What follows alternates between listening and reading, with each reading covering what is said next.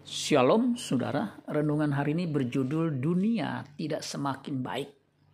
2 Timotius 3 ayat 1. Ketahuilah bahwa pada hari-hari terakhir akan datang masa yang sukar.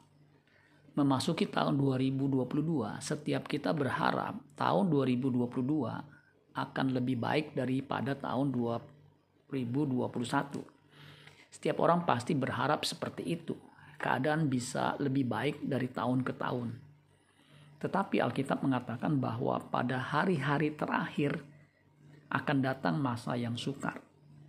Terjemahan sederhana Indonesia 2, 2 Timotius 3 ayat 1 dikatakan begini. Anakku, hendaklah kita menyadari bahwa pada masa terakhir dari zaman ini kita pasti akan mengalami banyak kesulitan. Keadaan dunia tidak akan lebih baik kita akan makin sukar untuk bisa hidup lebih saleh.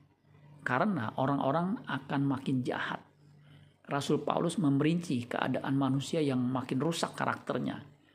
Dikatakan 2 Timotius 3 ayat 2 sampai 7, manusia akan mencintai dirinya sendiri dan menjadi hamba uang. Mereka akan membual dan menyombongkan diri. Mereka akan menjadi pemfitnah. Mereka akan memberontak terhadap orang tua dan tidak tahu berterima kasih, tidak mempedulikan agama, tidak tahu mengasihi, tidak mau berdamai, suka menjelekkan orang, tidak dapat mengekang diri, garang, tidak suka yang baik, suka mengkhianat, tidak berpikir panjang, berlagak tahu, lebih menuruti hawa nafsu daripada menuruti Allah. Secara lahiriah mereka menjalankan ibadah mereka tetapi pada hakikatnya mereka memungkiri kekuatannya. Jauhilah mereka itu. Sebab di antara mereka terdapat orang-orang yang menyelundup ke rumah orang lain dan menjerat perempuan-perempuan lemah yang syarat dengan dosa dan dikuasai oleh berbagai-bagai nafsu yang walaupun selalu ingin diajar namun tidak pernah dapat mengenal kebenaran. Jadi jangan berharap dunia akan lebih baik.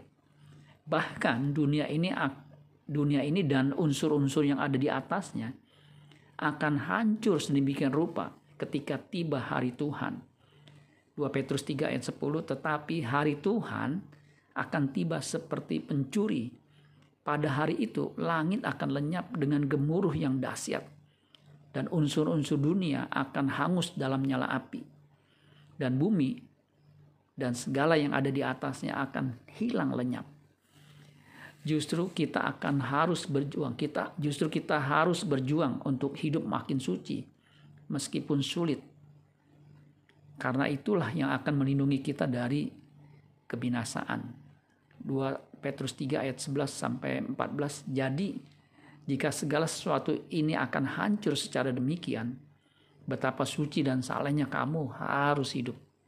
Yaitu kamu yang menantikan dan mempercepat kedatangan hari Allah pada hari itu langit akan binasa dalam api dan unsur-unsur dunia akan hancur karena nyalahnya.